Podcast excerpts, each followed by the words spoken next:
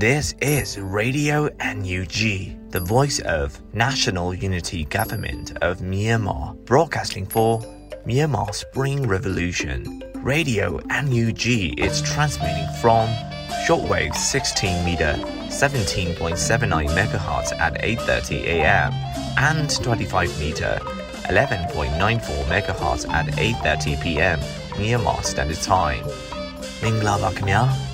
အမျိုးသားညီညွတ်ရေးအစိုးရရဲ့အတန်လွင့်ဌာန Radio NUG ကိုမနက်ပိုင်း၈နာရီခွဲမှာလိုင်းတို16မီတာစက္ကန့်တက်သမ9 MHz ညပိုင်း၈နာရီခွဲမှာလိုင်းတို25မီတာ17တက်သမ6 MHz တို့မှာဓာတ်ရိုက်ဖမ်းယူနိုင်နိုင်ပါပြီမင်္ဂလာအပေါင်းနဲ့ပြည့်စုံကြပါစေအခုချိန်ကစပြီး Radio NUG အစီအစဉ်တွေကိုဓာတ်ရိုက်အတန်မြင့်ပေးနေပါပြီ။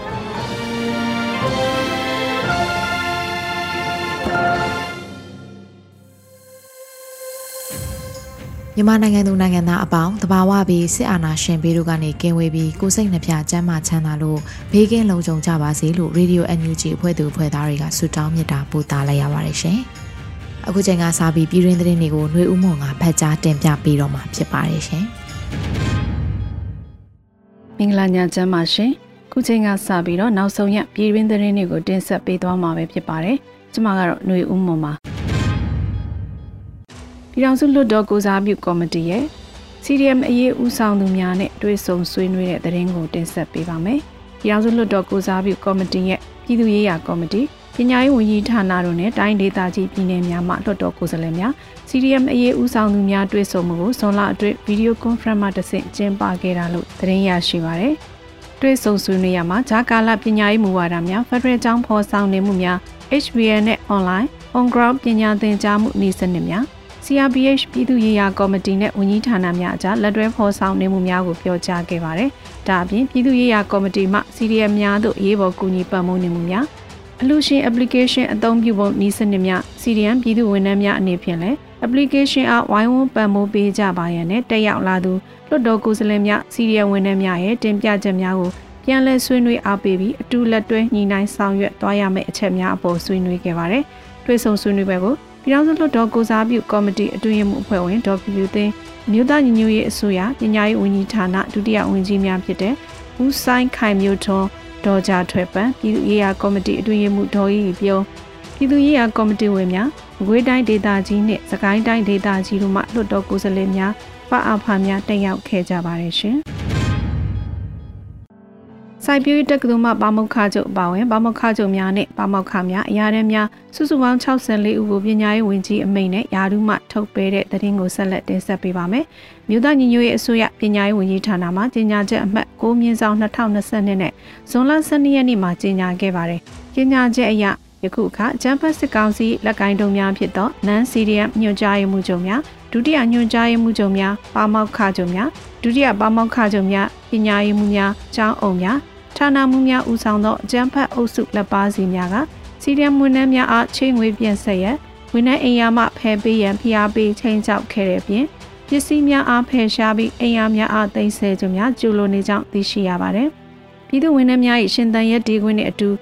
လူလုံခြုံရေးပစ္စည်းလုံခြုံရေးများအပေါ်ထိခိုက်နစ်နာစေရန်ချိုးဖောက်ကျူလိုရာတွင်အားပေးနေခြင်းတို့ကိုလှုံ့ဆော်နေပါသည်။သူဖြစ်ပါ၍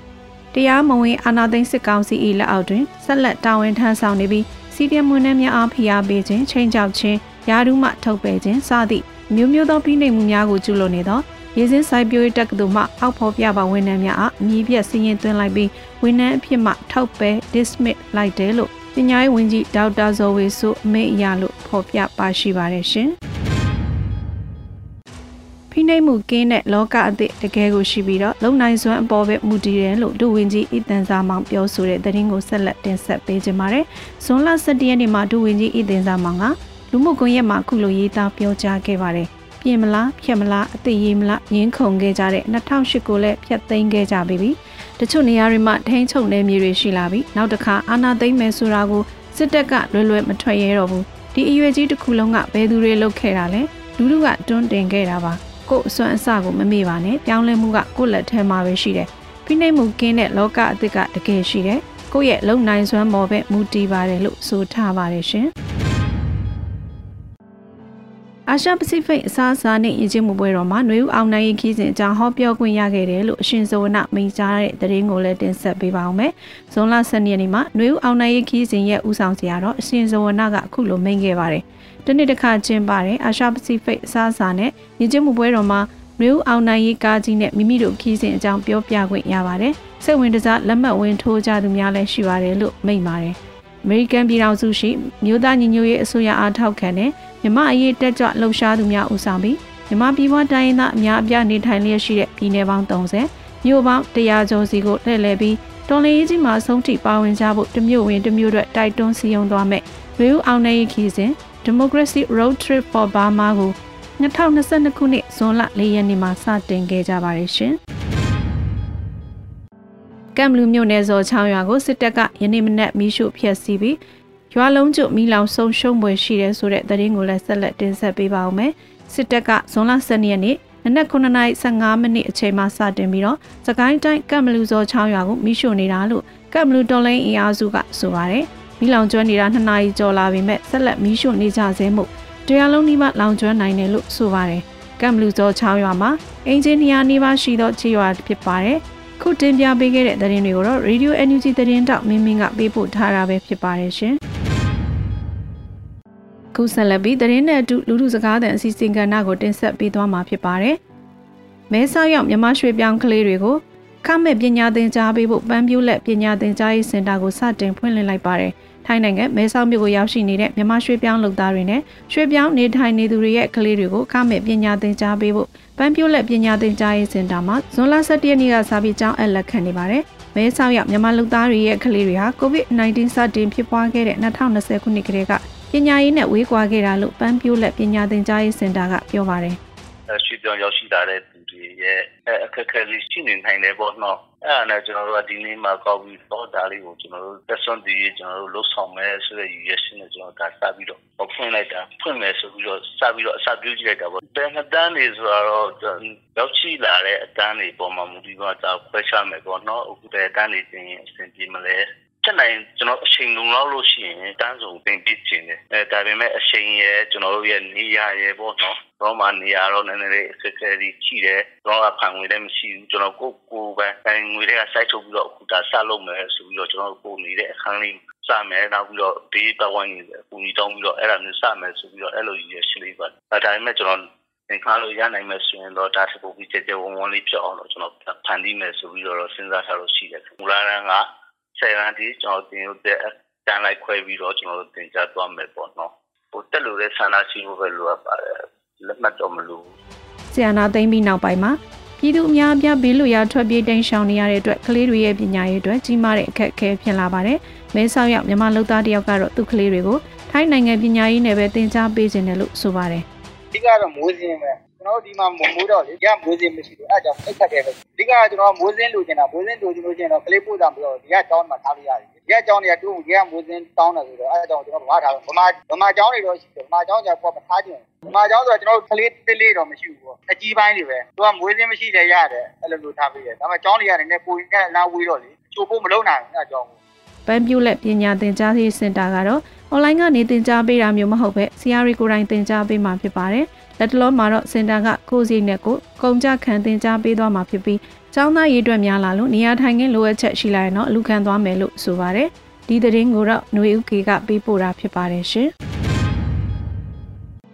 မြန်မာနိုင်ငံကူလက်မှတ်ထုတ်ပေးရေးရုံမှာဝန်ထမ်းတွေနဲ့ပွဲစားတွေကနှီးမျိုးစုံနဲ့ငွေညှစ်နေတာကြောင့်ပြည်ပထွက်ခွာမဲ့တင်မောသားတွေဟာအခက်အခဲကြုံတွေ့နေရပါတယ်မြန်မာနိုင်ငံကူလက်မှတ်ထုတ်ပေးရုံမှာပြည်ပထွက်ပြီးအလုပ်လုပ်ဖို့နိုင်ငံကူလက်မှတ်လာရောက်လျှောက်ထားသူတွေများပြားနေရပါ ဒီအခြေအနေကိုဝန်ထမ်းတွေနဲ့ပွဲစားတွေကအခွင့်အရေးယူပြီးအလွန်အကျွံငွေကြေးတောင်းခံတာပြုလုပ်နေတယ်လို့ပြည်ပထွက်ခွာမဲ့တင်မောသားတချို့ကပြောပါတယ်။အခြေအနေကတော့တင်မောသားတွေရဲ့ဒီအစိုးရနဲ့ပတ်သက်တဲ့အလုပ်တွေကတော့အရင်လိုညံစမ်းမှုမရှိတော့ဘူး။အကုန်လုံးနှောင့်နေတယ်ကြံ့ကြာတယ်။နော်အဲကတော့ကြောင်းလဲမှုတစ်ခုပဲ။တင်မောသားရုံးမှာလည်းစီရီယယ်ဝင်လဲဝန်ထမ်းတွေလည်းရှိတော့အဲ့ဒီနေရာမှာအစားထိုးပြီးကျွမ်းကျင်စွာလုပ်နိုင်တဲ့ဝန်ထမ်းတွေကလည်းရှားတယ်။အဲ့တော့ ချို့အလုပ်တွေအကုန်လုံးတောင်းနေကုန်တယ်နော်နိုင်ငံတကာနဲ့ရမောက်တန်းပြီးတော့လောက်ရမယ်ဒီတမောသားယုံကလက်စစ်ကိုလုံးဝအပြည့်အဝမပေးနိုင်တဲ့အတွက်နော်လက်စစ်နဲ့ပတ်သက်တဲ့နောက်ကိစ္စရက်တွေကျရင်အကုန်လုံးကြက်ကြတယ်နှောင့်နေတယ်တမောသားနဲ့ပတ်သက်တဲ့တင်နှန်းနဲ့တင်နှန်းကြီးတွေကလည်းအစမတန်ညှင့်တက်လာပါတယ် တမောသားနဲ့ပတ်သက်တဲ့ passport ဆိုတဲ့ကိစ္စရက်ကိုလည်းတော်တော်လေးကိုစိုးသွမ်းနေပါတယ် passport ရုံမနော်လာဝကရုံကလက်စားမှုတွေကအရန်ကိုညှင့်မာနေပါတယ်အဲစောက်တုပ်လို့ရသူတို့ဒီမှာနော်3သိန်းလို့4သိန်းလို့5သိန်းလို့ထိပေါက်နေပါတယ်လွယ်ကူတဲ့ကိစ္စကိုခက်ခဲအောင်လုပ်ပြီးတော့မျိုးမျိုးဝင်ညစ်တယ်ပေါ့နော်အဲကိစ္စတွေလည်းတော်တော်ဆိုးရနေပါတယ်တိုင်းပြည်ကပြက်နေပါအဲကိစ္စတွေလည်းပါတယ်ပေါ့နော်စေအုပ်ချုပ်ရေးအောက်မှာပဲ ဒီတိုင်းသွားမယ်ဆိုရင်တော့ဒါအရင်လိုပဲပေါ့နော်အဲဒီလက်စားမှုတွေနဲ့လည်းလက်ပတ်နေမယ်အဲပေးမရမယ်မပေးမရအောင်ဆိုတဲ့ပုံစံမျိုးတွေနဲ့ပဲသွားနေမယ်အဲဒီသဘောထားမှရှိပါတယ် COVID-19 ကြောင့်အလုပ်ကိုင်းရှားပါလို့စားဝင်နေရချက်တေးခဲ့တဲ့ပြည်သူတွေဟာ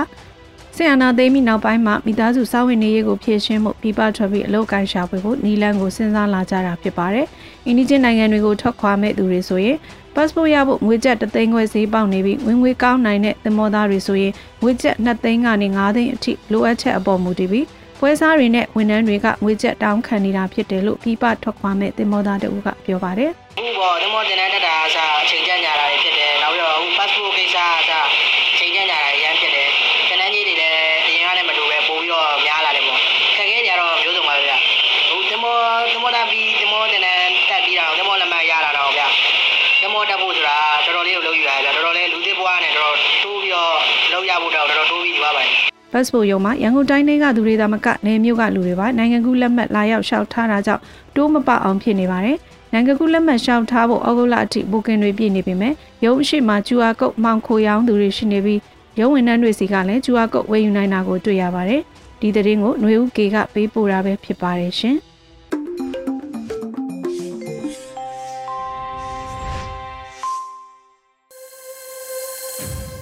Radio NUG ပြည်တွင်သတင်းတွေကိုနားဆင်ကြကြရတာဖြစ်ပါတယ်။ဆက်လက်ပြီး Radio NUG Interview ကဏ္ဍမှာ PDF စကားအသံအပိုင်း30ကိုနားဆင်ကြရမှာဖြစ်ပါတယ်ရှင်။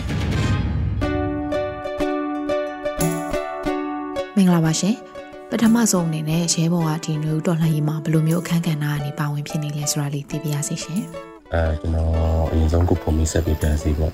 ကျွန်တော်နာမည်ကတော့ဒေါက်တာရဒီပါကျွန်တော်ကတော့ကျွန်တော် PDF PC ဆိုတဲ့ စနစ်တန်းကြောင်းမှာကျွန်တော် scan တာဝန်ခံနေရောကျွန်တော်တာဝန်ကျဆရာဝန်တရားနေရောကျွန်တော်တာဝန်ထမ်းဆောင်နေပါတယ်ဗျဟောဟုတ်ကဲ့ပါရှင်ဒီဆရာဝန်တယောက်အဖြစ်ကနေပေါ့နော်လူဦးတော်လှန်ရေးမှာဘယ်လိုမျိုးခံယူချက်တွေနဲ့စပြီးတော့ပါဝင်ပြစ်ခဲ့တာလဲဆိုတာကိုလည်းဆက်ပြီးတော့ပြောပြပေးပါအောင်ကျွန်တော်မျိုးထလိုင်းမှာဘယ်လိုခံယူချက်နဲ့ပါဝင်ခဲ့ရလဲဆိုတော့မတရားမှုကိုကျွန်တော်မကြိုက်ဘူးပေါ့နော်ကျွန်တော်မိသမီးဗီဒီယိုနဲ့ဒီမတရားမှုကိုဒီလက်မခံမှုအတွက်ဟိုနေလေးတွေကကျွန်တော်တို့သုံးသပ်နေရရှိတယ် အဲ့တော့ကြောင့်မို့ကျွန်တော်ကဒီအများအားပြည်သူတွေဘက်ကိုကြည့်တယ်ကိုဗစ်တုန်းကလည်းကိုဗစ်မို့လို့ကျွန်တော် volunteer နှစ်လကတော့ကျွန်တော်လုပ်ခဲ့ပလာရှိတယ်အဲအဲ့လိုမျိုးနဲ့ဒီဒါပေမဲ့ကျွန်တော်တို့ဒီ dollar ရေးလုပ်တဲ့အချိန်မှာပေါ့အဲဒီအစားကကျွန်တော်တို့ AC နဲ့ဆန္ဒပြတယ်ဒါနဲ့မပါဘူးဒါပေမဲ့ကျွန်တော်တို့ကိုအတင်းအဓမ္မကျွန်တော်တို့ဖြိုခွင်းတယ်အဲကျွန်တော်အနေနဲ့ CDM ဆရာဝန်တယောက်မဟုတ်ပေမဲ့လည်းကျွန်တော်ပုဂ္ဂလိကဆရာဝန်တယောက်အနေနဲ့ကကျွန်တော်ကျွန်တော်ဒီမတရားမှုကိုကျွန်တော်လက်ပိုက်ကြည့်နေတယ်လို့ကျွန်တော်ဒီ dollar ရေးကိုဝင်ရောက်ခဲ့တာပေါ့နော် ဟုတ်ကဲ့ရှင်အဲ့ရနေတစင်ပေါ့နော်အခုလိုမျိုးဒါလက်နက်ကင်တော်လိုင်းရေးတက်သားဘွားကိုရောက်ခဲ့တယ်ပေါ့နော်ဒီလိုမျိုးဆန္ဒပြတဲ့အနေအထားကနေပြီးတော့လက်နက်ကင်ဖို့ဘယ်လိုမျိုးတွန်းအားတွေကနေပြီးတော့ဖြစ်စေခဲ့တာလဲဆိုတာလေးလည်းဆက်ပြီးပြောပြပေးပါအောင်ရှင်ကျွန်တော်တော်လိုင်းသက်သားဘွားကိုဘယ်လိုရောက်ခဲ့ရလဲဆိုလို့ရှိရင်တော့ပထမဆုံးကျွန်တော်တို့ကတော့ AC ဆန္ဒပြတယ်အဲနောက်တစ်ခုကကျွန်တော်တို့ခုခံပိုင်ခွင့်ရှိတယ်ဆိုတဲ့အချိန်မှာကျတော့သူတို့အကြံပေးပြုခွင့်လာတဲ့အချိန်မှာကျွန်တော်တို့ ပြန်လဲခုခံတယ်မီရှူနဲ့ခုခံတယ်ဒီကကျွန်တော်တို့အပေါင်းတင်နေပေါ့နော်ခုခံကြတယ်ဒါပေမဲ့ဒီနေ့တော့ကျွန်တော်တို့ဒီနာသဆက်ခံတည်တယ်ပြီးတော့ကျွန်တော်တို့ရဲ့ရှေ့မှာကျွန်တော်ကျွန်တော် message ရှိမှာပေါ့နော်ကျွန်တော်ညီလေးခံကြဟင်းစေချောင်းသားပထမနှစ်လေးပေါ့အဲသူတည်သွားတယ်အဲ့ရဲ့ဟာတွေကကိုကိုနဲ့ကိုလေးခံစားတဲ့အချိန်မှာကျတော့ကျွန်တော်တို့ကပို့ပြီးတော့စိတ်ဓာတ်တွေပို့ပြင်းထန်နေတာပေါ့ဒါပေမဲ့ ကျွန်တော်တို့တွေဆက်လုံးရင်ဆန္ဒပြတယ်ကျွန်တော်တို့အဖမ်းခံရတယ်အဲ့ဒါနဲ့ကျွန်တော်အဆင်မပြေတော့ဘူးအဲ့အတွက်ကြောင့်မလို့ငါတို့လက်နက်ကင်မှရမယ်ဒီမှာအကိုတယောက်ရဲ့ကျွန်တော် post ကိုတွေ့ရတဲ့ကျွန်တော်လက်နက်ကင်တင်တဲ့တက်ဖို့အတွက်ကျွန်တော်ဆက်သွယ်ပြီးတော့ online တက်တာပို့တော့ကျွန်တော်ရောက်ရှိလာတာဖြစ်ပါတယ်ဗျဟုတ်ကဲ့ပါ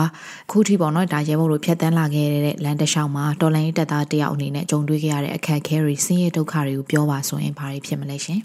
ကျွန်တော်တို့တက်တန်းခဲ့တဲ့တစ်ချောင်းမှာဂျုံပြရဲ့အခက်အခဲကအများကြီးပေါ့ကျွန်တော်တို့နဲ့ ဆုံးရှုံးခဲ့တဲ့ညီကိုတွေရှိတယ်ဖန်ခံညီကိုတွေရှိတယ်ခြေပက်လက်ပက်ညီကိုတွေရှိတယ်တချို့ရဲဘော်တွေရဲ့ကျွန်တော်ကိုယ်တိုင်တာဝန်ခံတယောက်ဖြစ်နေတဲ့အတွက်ကြောင့်ကျွန်တော်တို့ကဒီတောင်လှုပ်ပေးရတာပေါ့နော်လှုပ်ပေးရတဲ့အချိန်မှာသူရဲ့အခက်အခဲတွေကအများကြီးပေါ့နော်အဓိကတော့ကျွန်တော်တို့ကတော့ငွေကြီးပြဿနာပေါ့ကျွန်တော်တို့ကအညူကြီးအစိုးရရဲ့အောက်ကတသားတယောက်ဖြစ်ပေမဲ့လည်းဒါပေမဲ့တချို့ဟာတွေမှာကျတော့လေကျွန်တော်တို့မှာထောက်ပံ့မှုအပြည့်အဝမရခဲ့ရရှိတယ် အခုချိန်မှာတော့ကျွန်တော်တို့ဒီ3လခွဲ4လလောက်တော့ကျွန်တော်တို့ဒီရိတ်ခါထောက်ပံ့မှုတော့တစ်လောက်ကို6000နေနေတော့ကျွန်တော်ရနေပါတယ်ပေါ့နော်ဒါပေမဲ့လည်းကျွန်တော်တို့ကဒီလက်နက်ဝင်ဖို့ပါဖို့ညာဖို့ကြတော့လေကျွန်တော်တို့အတွက်အစီအမံမျိုးမှုတွေအများကြီးပေါ့အဲဒါပေမဲ့စူးစမ်းပြီးတော့ပတ်သက်နေပါတယ်ပေါ့နော်ကျွန်တော်တို့အားလုံးပေါ့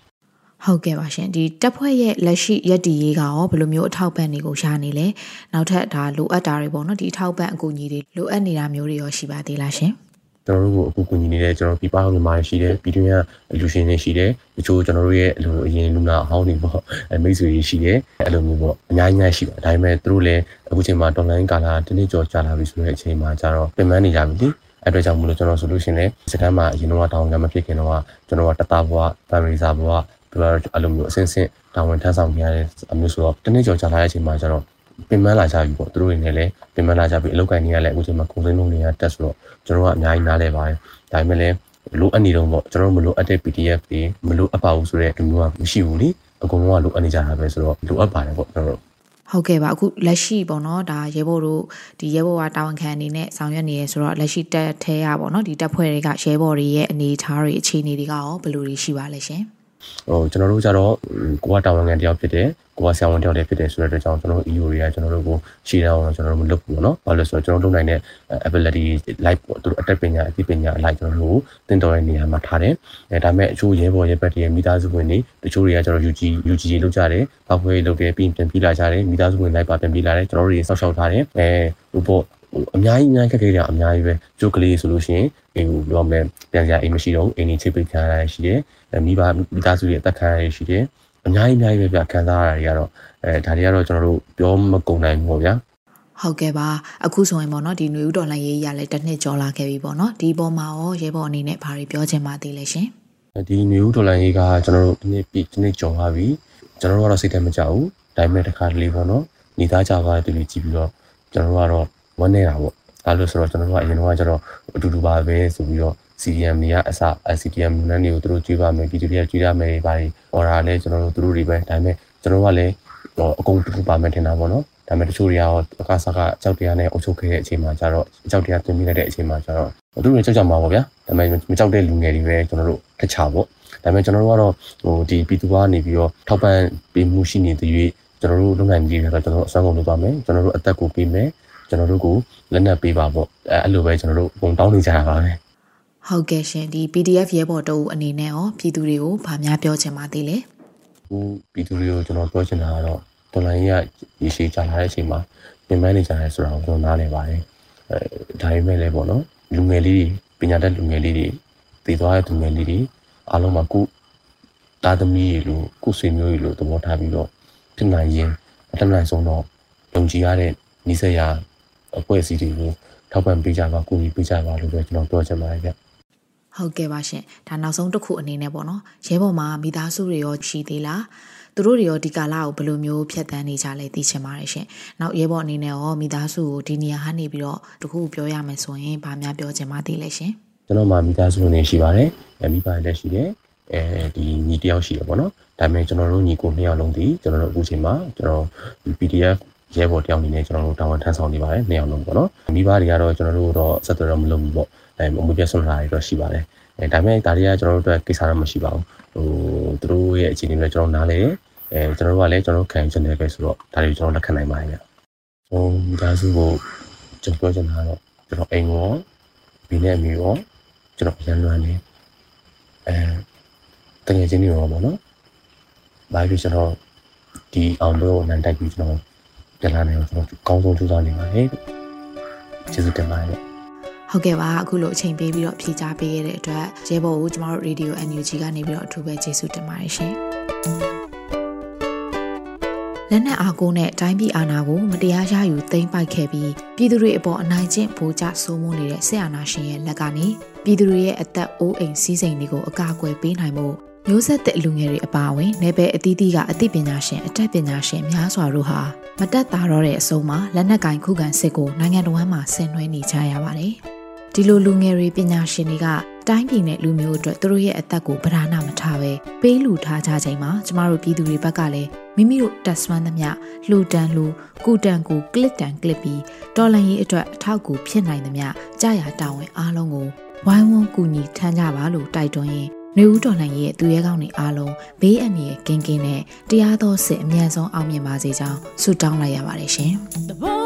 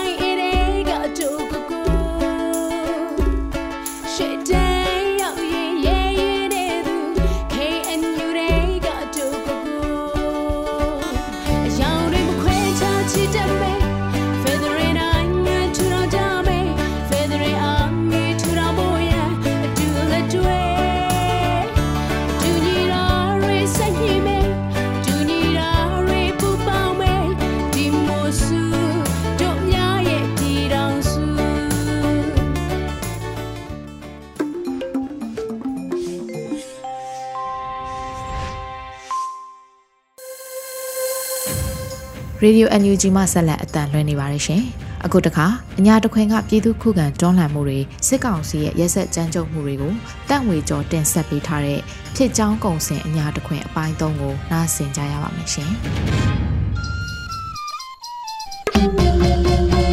အညာတခွင်ကဖြစ်ကြောင်းကုံစင်ပြောပြရရင်အာနာရှင်တော်လည်းအမြင့်ဖြုတ်ဖို့မြင်တော်လူတော်ကပြည်သူများညီညွတ်လို့ပင် စစ်ဒေါ်လာရဲ့ထပ်ပါလိမ့်မယ်တင်ဖက်ဒရယ်ပြည်အောင်စုရဲ့ရှိပြီးဖက်ဒရယ်ယူနစ်စနစ်တစ်ခုပေါ်ပေါက်လာမှဒီကံတွေပင်ဖြစ်ချောင်းကုန်စင်အညာတခွင်ဖြစ်ချောင်းကုန်စင်အညာတခွင်အစီအစဉ်ကနေတဖန်ပြန်လဲကြိုဆိုလိုက်ပါတယ်တော့ကျုပ်တို့အညာတခွင်ဒေတာတွေဟာ ຫນွေဦးတော်လန်ရခီးကိုလက်သီးလက်မောင်းတန်းပြီးခြိတက်နေစေဆိုတာဆက်လက်ရှင်သန်အားကောင်းနေတဲ့တပိတ်တိုက်ပွဲလက်နက်ကင်တိုက်ပွဲတီတုအာနာဖိစံရေးစီရီယမ်တိုက်ပွဲတွေကတက်သေးပြနေပါတယ်တော့အများတခွင်ရဲ့လက်နက်ကင်တော်လန်ရေးဟာအများထင်နေကြသလို ready made တော်လန်ရေးမဟုတ်ဘူးတော့လောက်လေးကွာနဲ့ဒလွတ်ကင်ပြီးတုံမြကနေစခဲ့ကြရတဲ့တော်လန်ရေးပါတော့ဒလွတ်ကနေတူမီ တူမီကနေတလုံးထိုးတလုံးထိုးကနေကြည်စွဲကြည်စွဲကနေအော်တိုအစင်းစင်ကိုကိုရိုင်းတီထွင်ဖန်တီးခဲ့ရတဲ့ကျုပ်တို့အညာသာတီထွင်ပါရဂူဖိုးစိတ်ဖြူတို့အကြောင်းလေးဖောက်တယ်ချခြင်းပါတယ်တော့6လုံးတွဲ short တိုက်တုံးတွေပြစ်နေပြီတဲ့တော်ရေးဆိုယူကရိန်းမှာလားရုရှားမှာလားအမေရိကမှာလားမေးပါနဲ့အေးအညာတခွင်ကဘုဒ္ဓလင်နဲ့ဟဲ့ဟုတ် ပါတယ်ဘုဒ္ဓလင်မှာ6လုံးတွဲပြစ်နိုင်တဲ့တာဝေးဖြစ် short တိုက်တုံးတွေကိုဒုံးပြန်ပြီးတဲ့အဖွဲ့ကတီထွင်အောင်မြင်ခဲ့ပါပြီတော့ကုံချမ်းကတော့မိုင်တဲမမပဲပေါ့ဒီလက်နက်ကြီးတွေကိုစတင်စမ်းတက်တဲ့အနေနဲ့မေလကုံနောက်ဆုံးရက်ကဘုဒ္ဓလင်ဂိတ်စခန်းကိုအဝါစားပြန်သွားပြေးသေးတာတော့သူ့ရိုးနဲ့သူ့ပြန်ထိုးရတာအရသာရှိလိုက်တာတော့ဒါရင်လားဆိုတော့မဟုတ် စကိုင်းတိုင်းရင်းမပင်အခြေဆိုင်ဒေါင်းလူလင် PDF အဖွဲ့ကလည်း3မိုင်ထိပြစ်လို့ရနိုင်တဲ့ short တိုက်တုံးကိုမေလကုံမှာတီထွင်အောင်လိုက်ပြန်ပြီတဲ့အမေကနေ PDF ကလည်းပိုပြီးအားပြင်းတဲ့တာဝေးပြလက်နက်ကြီးကိုထုတ်ပြလိုက်ပြန်ပါတယ်တော့ကလေး PDF နဲ့ပကဖကလည်း60မမမှာ60မမပဲတဲ့ထုတ်လုပ်နေလေရဲ့ဒါရင်ကရိုးလားမြိုင်တကြောကစက်တက်တဲ့အဖွဲ့ကလည်း 80မမလက်နက်ကြီးပစ်ကြီးတွေအများကြီးပုံပြလိုက်ပြန်လေရဲ့မြောက်ရမားနယ်ကရိုးမရာဇာတို့ကလည်းလောက်ချလိုက်ပြန်ပြီတော်ကြီးဘီယနန်စစ်ကားရုပ်ရှင်ကြည့်ပြီးဘိန်းတက်အမြောက်ကြီးဖြစ်တဲ့နာမည်ကမိုးညိုမမတဲ့မိုးနတ်မင်းကြီးရဲ့ဝရစိန်လက်နဲ့လိုပါပဲတော့လှတော့ကကိုရင်တာလပြောသလိုပြောရရင်တော့အထက်ကချပေးတဲ့လက်နဲ့စောင့်နေရင်တို့အညာသားတွေတော့အနှုတ်မြူဘုံတောင်ကိုယ် တိုင်တီထွင်နိုင်တော့မယ်ဟဲ့ဆိုသလိုပါပဲတော့ဒါပေမဲ့တခုတော့ရှိတယ်တော့ဆရာသားဆိုတာတော့ချမ်းကြပါအောင်စကားစားတွေတွေးတက်တည်သွားမဆိုလို့တကြောင်ကိုလုံနေတာတွေရန်သူမသိစေချင်တာကတကြောင်ပေါ့ခြေတံလုံးရပါစေအညာသားတို့ရေကဲတရင်တွေပဲလှည့်လိုက်ကြအောင်စို့ဒီတစ်ပတ်မှာလဲအထက်အညာကောလင်းဝင်းတို့ဘက်ကပြည်သူတပ်ဖွဲ့တွေရဲ့အောင်ပွဲတွေနဲ့စလိုက်ကြရအောင်ဒီဒေသတွေဘက်မှာတော့ မမလေးရေလုံအောင်ပုံမောင်ဖုံးလိုက်လို့ရှာဆိုသလိုပဲစကစတွေခမညာငြိမ်ဝတ်ပြပြနေလိုက်ကြပုံများဘိုင်းကောင်းကြောက်ပြီးအပြိုမာလေးတောင်ရှုံးရရှာပါတဲ့မငြိမ်လို့လည်းမရဘူးလေလှုပ်တာနဲ့ဟိုကကျွေးဒီကပေးနဲ့ဒီတပတ်အတွင်းစစ်ခွေးပြူခွေး14ယောက်လောက်မာလကီယာသွားကြတကူတော့ပြီးခဲ့တဲ့အပတ်မေလကုံစွန်းလာဆန်းကတော့ ချင်းတွင်းမြေရိုးတစ်လျှောက်တိုက်ပွဲတွေပြင်းထန်နေတဲ့အချိန်မှာစစ်ကောင်စီကရုန်းကန်ရသလောက်အညာ PDF တွေကတော့ပျော်ပျော်ပါပါပဲတိုက်နေကြတယ်ပြင်းပြင်းနေပြင်းနေပြီအေးတော့မာဒုံမပြန်မှာမင်းတို့ကောင်လေပြင်းသားမစတာတော့စတာတော့ငါတို့ကဒီကအဲတူကောအတူရှင်းတော့မှပြေးတာရောက်ဟဲ့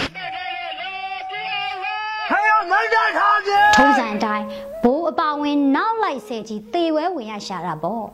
စကားစားရီခမညာပရိသာမိုင်းကွင်းကြီးထဲမှာတောင်ပြေးမြောက်ပြေးရွာစော်ကြီးခွေခစ်ကြရသေးတဲ့တော်ကြီးမုံရွာချောင်းဦးမြောင်မြင်းမှုသခိုင်စတဲ့မန္တလေးလမ်းမကြီးတစ်လျှောက်ပရိသာမိုင်းပွဲတော်ကြီးကလည်းဒီတစ်ပတ်ပြောစမှတ်တွင်ရမယ်အဖြစ်ပါပဲတော့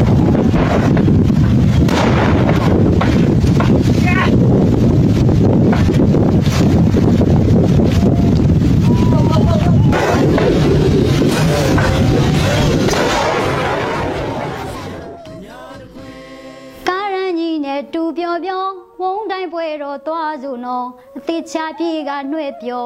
ပရိသာကျွေးမဲ့ပွဲတော်နှွဲ့ပြောနှွဲ့ပြောပွဲတော်ပွဲတော်ဟိုနေရာကဝုံကနေဒီနေရာကဝုံကနေစစ်ခွေးကားတွေတုံးကနေနဲ့ဟော်ရီကမုံဟင်းကား43ပွဲဆိုပြီးအားရပါရစားတောက်သွားကြလေတဲ့စကားစရရဲ့အဖြစ်ဟာရီအားထက်မူအားတန်ခဲ့ကြရလေပါတဲ့ တ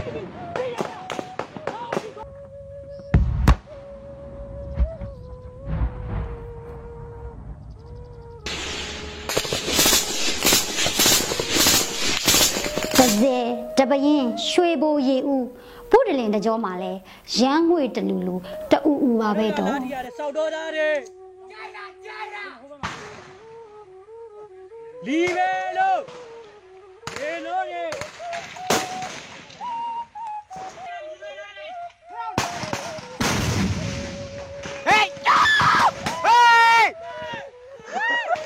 အ ညာလွတ်မြောက်ရေးအတွက်အညာသွေးတွေရဲကြပါရဲ့တော့ဖောင်းမြင်ကပြူစခန်းသိမ်းပွဲကလည်းမုံဟင်ကပွဲ30တဲ့ဒါတွေကိုကြည့်ပြီးအောင်မြင်နေပြီဆိုတက်မထောင်လိုက်ကြပါနဲ့တော့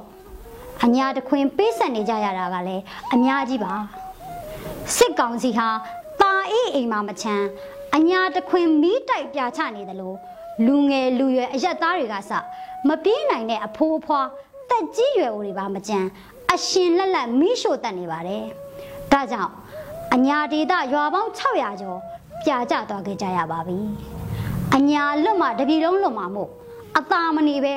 အညာမြေကိုဝိုင်းကြကူကြပါတော့တက်ဆိုင်ရာအဖွဲ့တွေအနေနဲ့လဲပုံကိုတဦးတစ်ယောက်အဖွဲ့အစည်းတစ်ခုတည်းဆိုတဲ့အတ္တတွေမာနတွေလျှော့ပြီးအညာ Federal Unit ကြီးအတွက်စုပေါင်းကြမယ်လက်တွဲညီကြမယ် အညာလွတ်မြောက်ရေးအတွက်စုပေါင်းရုံးထွက်ကြမယ်ဆိုတဲ့စိတ်နဲ့အာဂျိုးမှန်တဲ့တော်လန်ကြပါစို့လားတော့ဒါမှသာတရားမျှတလွတ်လပ်တဲ့အညာ Federal Unit ကိုအသက်သွင်းနိုင်တာလေတော်ကြီးအညာ Federal အောင်ရမယ်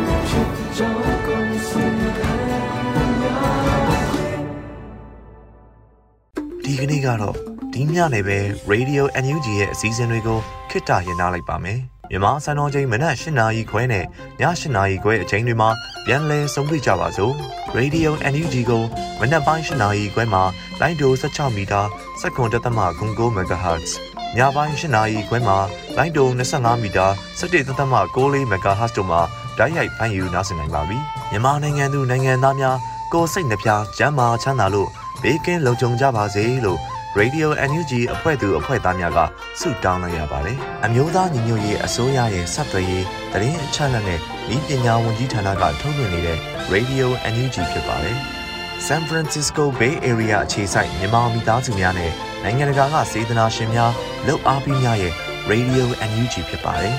။အရေးတော်ပုံအောင်ရမည်